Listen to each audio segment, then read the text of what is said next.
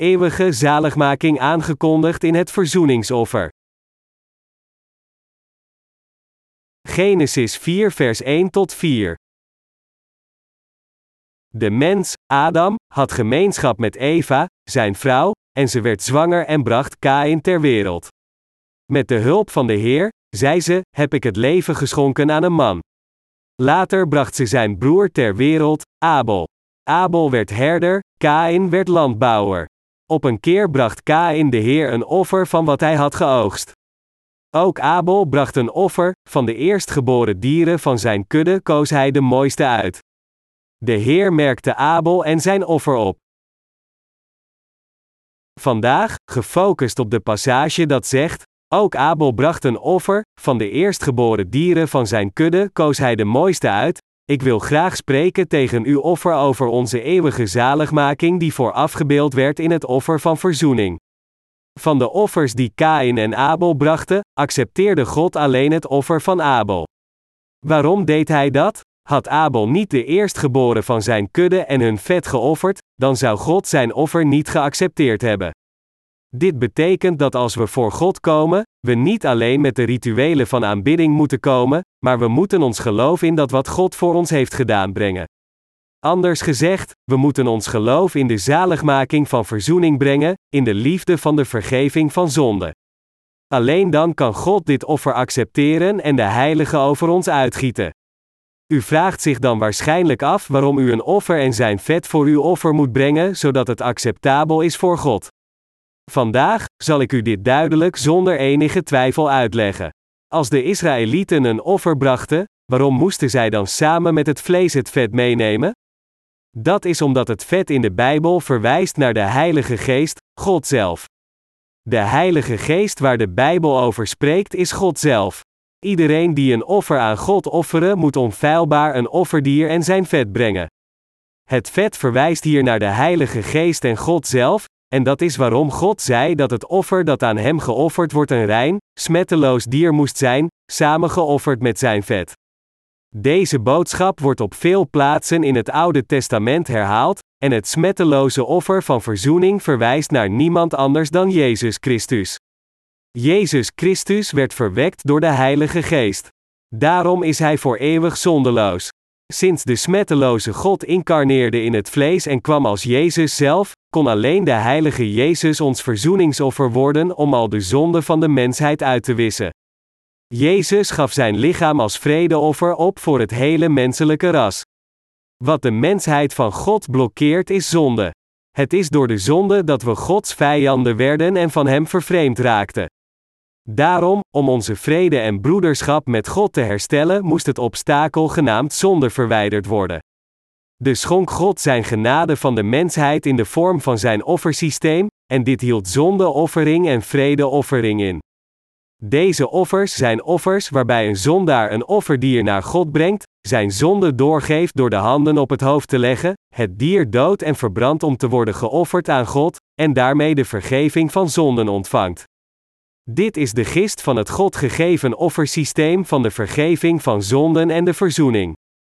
Dat is waarom er vandaag in de geschrifte passage geschreven staat dat Abel de eerstgeborene op van zijn kudde en zijn vet offerde als zijn offer aan God, en waarom het absoluut noodzakelijk was om bij iedere offer van verzoening het vet bij de offering te doen. Zelfs voor het zondeoffer van de gewone mensen, zei God, al het vet moet hij verwijderen, zoals ook met het vet van het vredeoffer gedaan wordt, en hij moet het op het altaar verbranden als een geurige gave die de Heer behaagt. Zo voltrekt de priester voor de persoon in kwestie de verzoeningsrieten, en krijgt deze vergeving, Leviticus 1 over half 5. Er waren verschillende offers die aan God geofferd konden worden. Waaronder brandoffers, zondeoffers, offers voor overtredingen, vredeoffers, enzovoorts, maar gemeenschappelijk bij elk van deze offers was het vereiste dat een zondaar zijn handen op het hoofd van het offerdier moest leggen, het dier moest doden en in stukken moest snijden, het vet van de lever, ingewanden en nieren aan God moest offeren. God wilde niet alleen het vlees van het dier ontvangen, maar hij wilde ook zijn vet. Jezus Christus is onze God, en hij is ook de hoge priester van verzoening die de eeuwige verzoening voor onze zonde heeft volbracht. Door zijn lichaam aan God als een verzoeningsoffer te offeren, heeft Jezus al onze zonden verzoend en hen uitgewist, zodat wij absoluut geen enkele zonde meer hebben.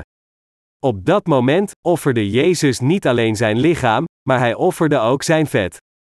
Deze Jezus, God zelf, kwam naar deze wereld en incarneerde in het vlees van de mens om zijn lichaam aan God de Vader te offeren als ons verzoeningsoffer, en door zijn vet samen met zijn vlees te verbranden dat geofferd werd aan de Vader als ons verzoeningsoffer, droeg hij veroordeling van onze zonden om hun loon af te betalen.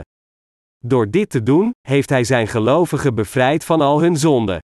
Toen onze zonden werkelijk verdwenen waren, kwam de Heilige Geest in onze harten wonen, en dit is precies waarom wij geen obstakel meer hebben om voor de aanwezigheid van God te komen en te staan, en waarom we in staat zijn broederschap met Hem te hebben. Het eeuwige verzoeningsoffer, waar Jezus verzoening meemaakte voor al onze zonden, werd geofferd met het lichaam van Jezus en zijn geest, dat wil zeggen zijn vet, maar diegenen die Jezus Christus verkeerd begrepen, denken dat hij alleen zijn lichaam gaf. Christenen die geloven dat Jezus zijn eigen lichaam alleen opgaf om zijn bloed te vergieten, kunnen nooit verenigd worden met God. Dat is omdat hun harten nog steeds zondig zijn. Zij hebben nog niet hun zonde doorgegeven aan Jezus door zijn doopsel, nog hebben zij de heiligheid en rust in hun harten ontvangen, en daarom kunnen ze niet voor God komen zelfs als zij in Jezus geloven. De offerdieren voor beide, de dagelijkse en jaarlijkse offers in het Oude Testament hadden allen dezelfde vereisten: 1. Zo moesten smetteloos zijn, 2. Zo moesten de zonden overnemen door het opleggen van handen, en 3. Ze moesten het doden en verbranden. Aan al deze voorwaarden moest ook Jezus voldoen, ons verzoeningsoffer dat de eeuwige verzoening gaf. Er waren duidelijke voorwaarden voor Jezus om ons vredeoffer van verzoening te worden. Als eerste, net zoals de offerdieren uit het Oude Testament moest hij smetteloos zijn, ten tweede, net als deze dieren de zonde van de Israëlieten moesten accepteren door het opleggen van hun handen, moest hij onze zonden accepteren door te worden gedoopt, en ten derde, moest hij worden geofferd en zijn lichaam en vet moesten geofferd worden aan God. Alleen dan kunnen diegenen die geloven in Jezus de perfecte vergeving van zonden in hun harten ontvangen. Echter, veel christenen geloven niet dat Jezus de geest is, dat wil zeggen, God zelf, en in plaats daarvan denken ze dat ze gered worden door blindelings in Jezus te geloven. U kunt al de dieren offeren die u wilt, alleen het vlees van duizenden dieren geofferd zonder een vet, maar God zal nooit naar een dergelijk wetteloos offer kijken dat niet geofferd werd volgens de vereisten ingesteld door Hem. U moet beseffen dat God geen offers wilde omdat Hij vlees wilde eten. De wereldlijke christenen brengen alleen het offer van het lichaam van Jezus.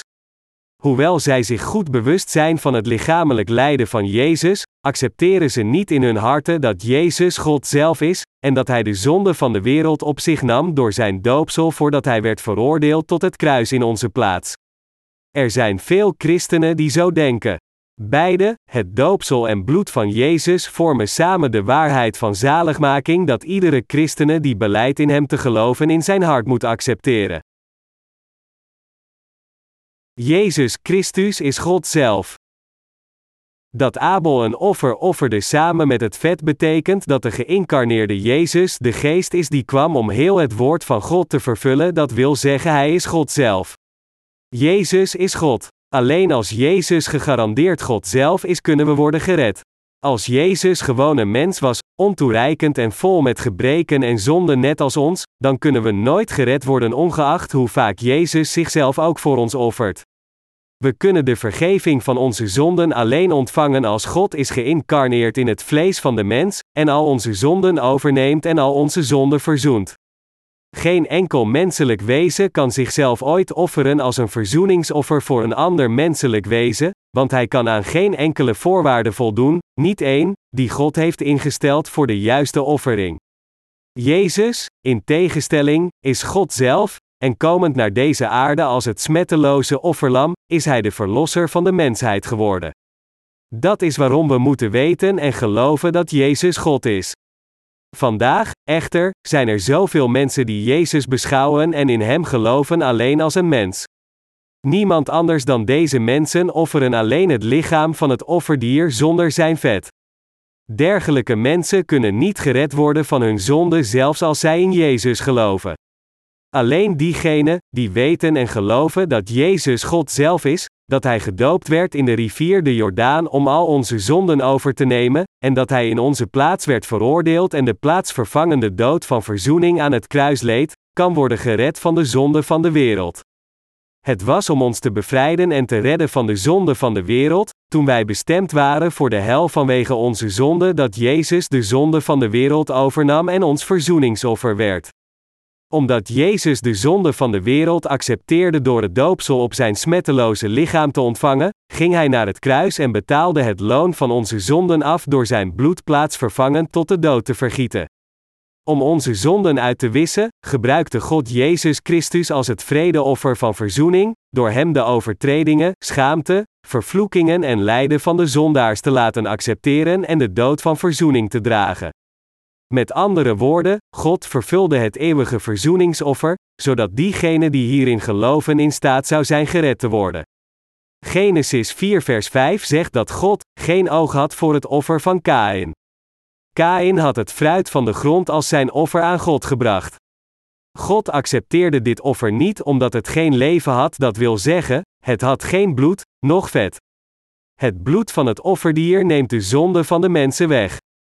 En het is als we het bloed van verzoening samen met zijn vet aan God offeren dat we bevrijd worden van onze zonde.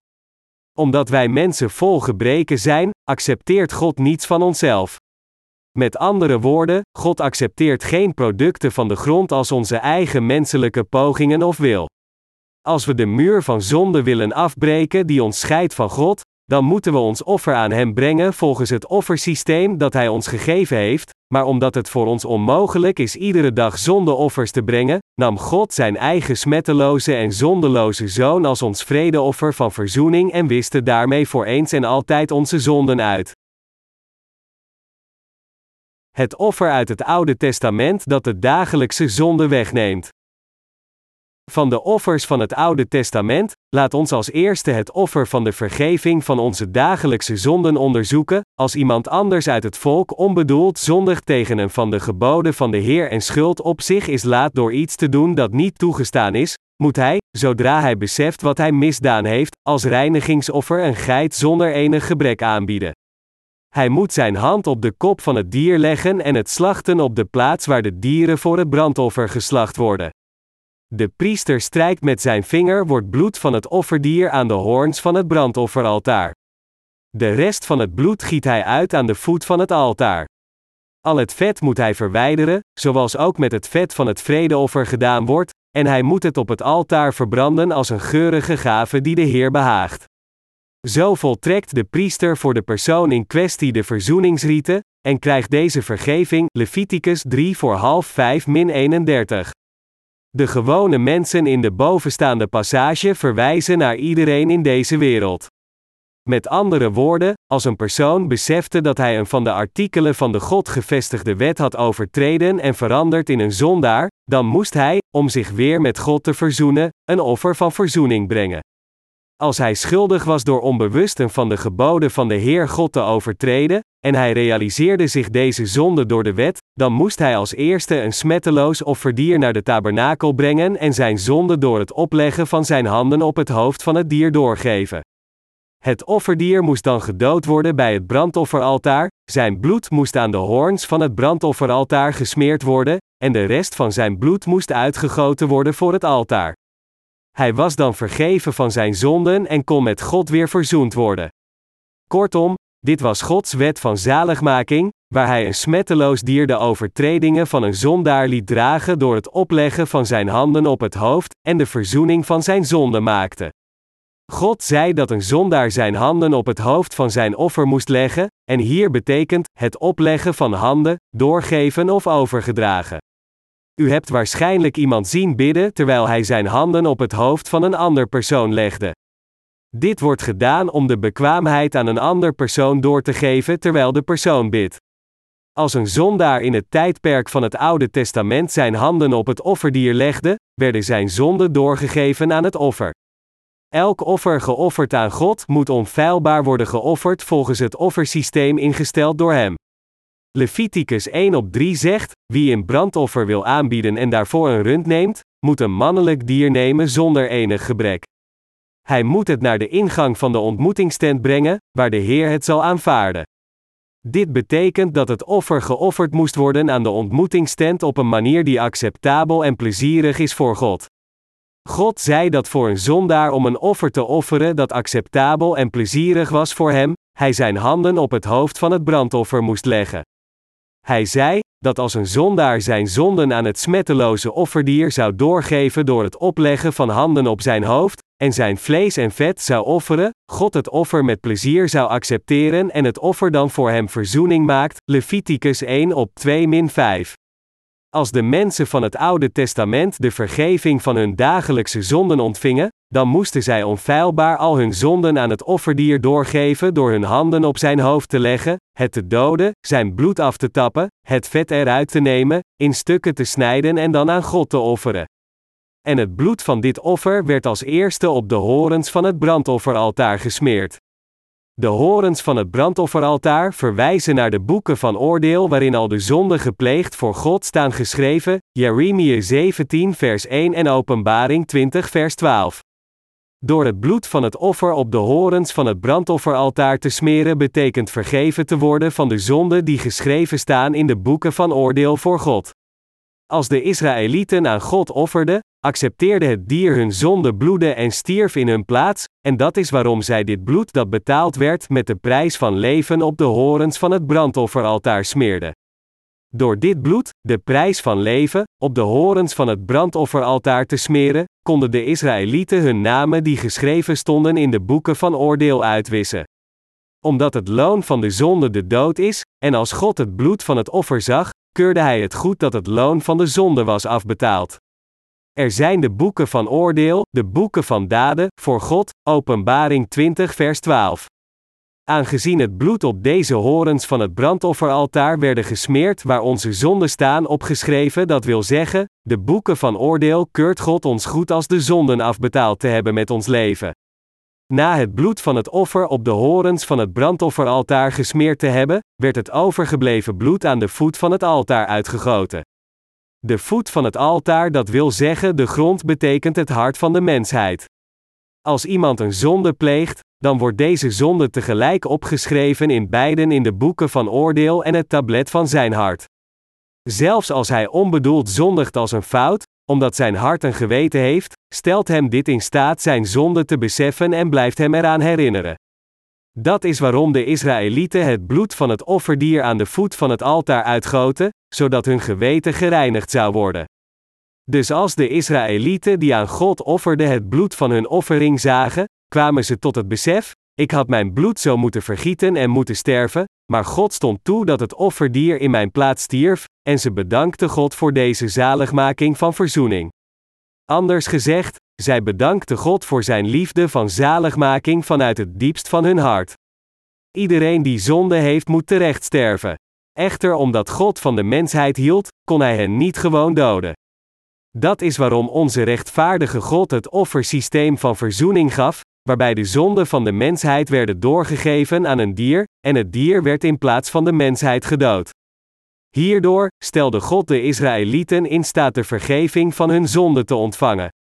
Het offersysteem dat God gaf was rechtvaardig, en daardoor maakte God het mogelijk voor iedereen die zijn zaligmaking van de eeuwige verzoening ontving volgens dit systeem om te komen en voor Hem te staan zonder enige vrees.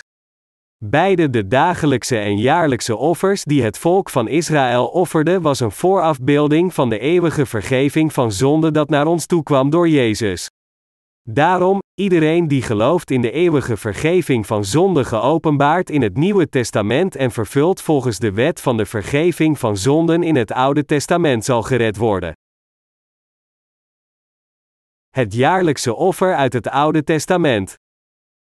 Het offer van verzoening dat het volk van Israël in het Oude Testament dagelijks offerde was zeer onhandig en omslachtig. Zelfs als zij hun offer een keer per dag offerden, als zij de dag erna weer een zonde pleegden, keerden zij terug naar het zondaar zijn. Dus zodat zij niet aan de wanhoop zouden vervallen vanwege hun onvermogen iedere dag te offeren en hun geloof zouden opgeven, vestigde God het statuut van de jaarlijkse offering voor hen.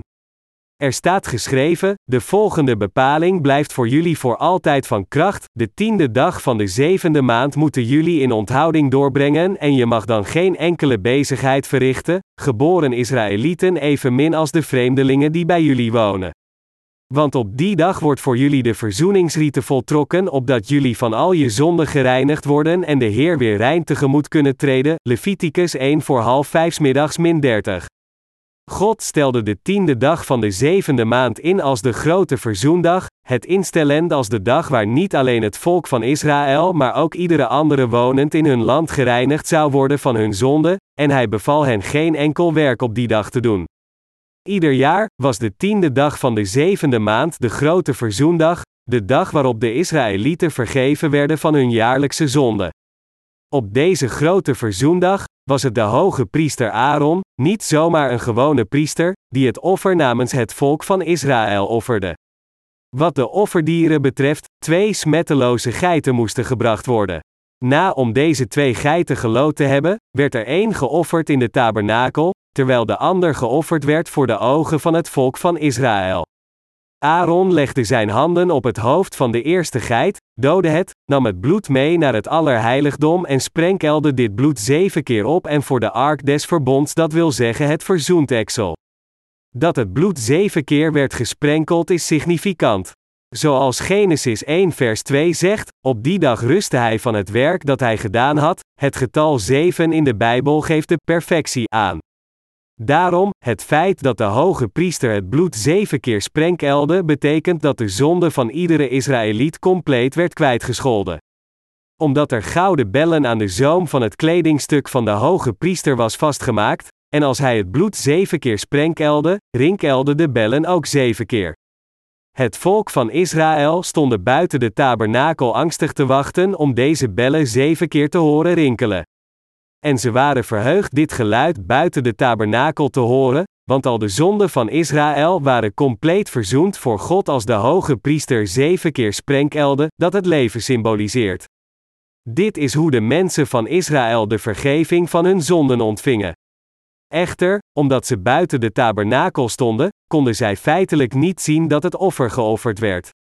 En sommigen van hen twijfelden of hun zonden werkelijk waren doorgegeven of niet. Dus bracht de hoge priester de overgebleven geit buiten de tabernakel, legde zijn handen op het hoofd van de geit voor het hele volk van Israël die stonden te kijken en beleidde al de zonden die zij voor één heel jaar hadden gepleegd. Toen Aaron eenmaal zijn handen op de geit legde, werd iedere zonde aan de offergeit doorgegeven. De zondebok betekent de geit, om erop uitgestuurd te worden, en nadat de hoge priester zijn handen op het hoofd had gelegd, werd het in de waterloze woestijn gebracht om rond te zwerven en te sterven. Net zo was het opleggen van handen in het Oude Testament een noodzakelijk proces voor het verzoeningsoffer, dat gekoppeld is aan het doopsel van Jezus in het Nieuwe Testament. Aaron de hoge priester is gekoppeld aan Johannes de Doper die geboren werd als zijn afstammeling, en het offer dat de jaarlijkse zonde van het volk van Israël overnam is gekoppeld aan Jezus, die de zonde van de wereld voor de mensheid verzoende door te worden gedoopt. Toen de hoge priester zijn handen op het offerdier legde, werden al de jaarlijkse zonden van het volk van Israël doorgegeven aan het offerdier.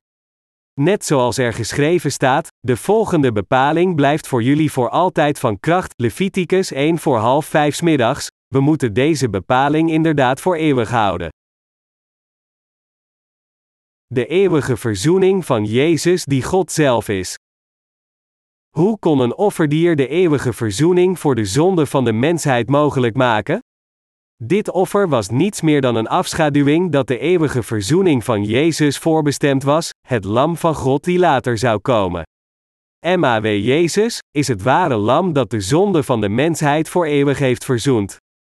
Toen Jezus de zonde van de wereld op zijn heilige lichaam accepteerde door te worden gedoopt, heeft hij de eeuwige verzoening voor al de zonden van de wereld volbracht. Na het evangelie van het water en de geest vervuld te hebben, heeft Jezus iedereen die gelooft in dit evangelie in staat gesteld de vergeving van zonde te ontvangen. Jezus is de ware God die kwam om al de mensen van hun zonde te redden. Matthäus 1 vers 21 getuigt duidelijk over het doel waarmee Jezus naar deze aarde kwam, zeggend: Geef hem de naam Jezus, want hij zal zijn volk bevrijden van hun zonde. Om de wil van God te vervullen, begon Jezus zijn ambt van het uitwissen van de zonde van de wereld toen hij 30 jaar werd. Als we kijken naar Matthäus 3, vers 15, dan zien we dat Jezus Johannes de Doper beval hem te dopen, door te zeggen: Laat het nu maar gebeuren, want het is goed dat we op deze manier Gods gerechtigheid vervullen. Dit betekent dat het voor Jezus gepast was om gedoopt te worden om al de zonde van de mensheid uit te wissen. Als Aaron de vertegenwoordiger van het volk van Israël was, dan is Johannes de Doper de vertegenwoordiger van heel de mensheid. Verwijzend naar Johannes de Doper, zei Jezus zelf: Er is onder allen die uit een vrouw geboren zijn nooit iemand opgetreden die groter was dan Johannes de Doper. Matthäus 11, vers 11. Daarom, zodat Jezus al de zonde van de mensen namens iedereen kon dragen, zoals het offerdier uit het Oude Testament, moest hij het doopsel van Johannes de Doper, de vertegenwoordiger van de hele mensheid, ontvangen. Het doopsel dat Jezus ontving gebeurde zo, waarbij hij ondergedompeld werd in het water en weer aanhoog kwam terwijl Johannes de Doper zijn handen op zijn hoofd legde. Dat de handen van Johannes de Doper op Jezus werden gelegd betekent dat hij al de zonde van de mensheid overnam, dat hij ondergedompeld werd in het water houdt zijn dood in, en dat hij uit het water omhoog kwam voorafschaduwt zijn verrijzenis. In het Oude Testament was het door het opleggen van handen dat het volk van Israël hun zonde doorgaven aan hun offerdieren, en deze zaligmaking van verzoening werd geperfectioneerd in het Nieuwe Testament door het doopsel dat Jezus ontving. Waarom werd Jezus gedoopt? Het was niet omdat hij nederig was dat hij gedoopt werd, maar het was om heel de rechtvaardigheid te vervullen door de zonde van iedereen uit te wissen. Toen Jezus al de zonde van de hele wereld accepteerde door te worden gedoopt, werden deze zonden op zijn hoofd geplaatst, en daardoor werd hij niet in zijn zondeloze toestand gekruisigd, maar nadat hij al onze zonden op zijn lichaam accepteerde. Dat is hoe onze verzoening correct werd volbracht. MAW, net zoals de Bijbel zegt, om onze zonde werd hij doorboord, om onze wandaden gebroken. Jesaja 53 vers 5. Het was vanwege onze zonde dat Jezus gewond en gekneusd werd, en zijn dood was om heel het loon van de zonde af te betalen. Was Jezus gestorven zonder als eerste te worden gedoopt, dan had zijn dood niets te maken met onze zaligmaking. Waar er wordt gezegd in Genesis 4 vers 4, ook Abel bracht een offer, van de eerstgeboren dieren van zijn kudde koos hij de mooiste uit, betekent dat Jezus, God zelf en zondeloos, onze zonden overnam en zichzelf als ons vredeoffer aan de Vader offerde, en dit is hoe wij gered zijn geworden. Onze zonden werden doorgegeven aan Jezus toen hij gedoopt werd. U zult gered worden als u hierin gelooft. Laat ons hier kijken naar Johannes 1 vers 29. De volgende dag zag hij Jezus naar zich toe komen, en hij zei: Daar is het Lam van God, dat de zonde van de wereld wegneemt. De volgende dag na Jezus gedoopt te hebben, droeg Johannes de Doper getuigenis over Jezus voor de vele mensen die daar verzameld waren, tegen hen zeggend: Kijk, Jezus het Lam van God die al onze zonden draagt. MAW toen Johannes de Doper al onze zonden aan Jezus doorgaf door zijn handen op zijn hoofd te leggen, werden al onze zonden uit onze harten weggewassen. Doopsel betekent door te geven, te begraven en wegwassen, dat in wezen op dezelfde betekenis duidt van het opleggen van handen. Door zijn doopsel nam Jezus al onze zonden over, elke zonde die we ooit hebben gepleegd sinds onze geboorte en ooit zullen plegen totdat we doodgaan. Zelfs als we een fout maken, zijn we nog steeds zondeloos. We kunnen de hemel niet binnengaan door onze eigen handelingen, maar we kunnen het binnengaan door met onze harten te geloven dat Jezus al onze zonde wegnam. Er is geen zonde in deze wereld. Dat is omdat Jezus al de zonde van de mensheid voor eens en altijd wegnam. Dus terwijl iedereen zondeloos is, gaan talloze mensen nog steeds rechtstreeks naar de hel met al hun zonden intact, juist omdat zij niet geloven dat Jezus al hun zonde wegnam. Echter, diegenen die correct in Jezus geloven zijn rechtvaardig, want zij hebben de perfecte vergeving van hun zonden ontvangen door te geloven in het evangelie van het water en de geest. Al diegene die geen zonde heeft, is een rechtvaardig persoon geworden. Wie het perfecte geloof heeft, is echt zondeloos in zijn hart. Toen Jezus zijn leven voor ons neerlegde en zijn bloed in onze plaats tot de dood vergoot, riep hij hardop: Het is volbracht. Johannes 19, vers 30. Net zo, heeft Jezus al de zonde van deze wereld voor eens en altijd uitgewist. De Bijbel schrijft in de voltooide tegenwoordige tijd dat door het eeuwige verzoeningsoffer geofferd met zijn eigen lichaam, Jezus Christus diegene voor eeuwig heeft geperfectioneerd die geheiligd zijn, Hebreeën 10 vers 14. Voor ons die geloven in deze waarheid, is er inderdaad voor eeuwig geen zonde.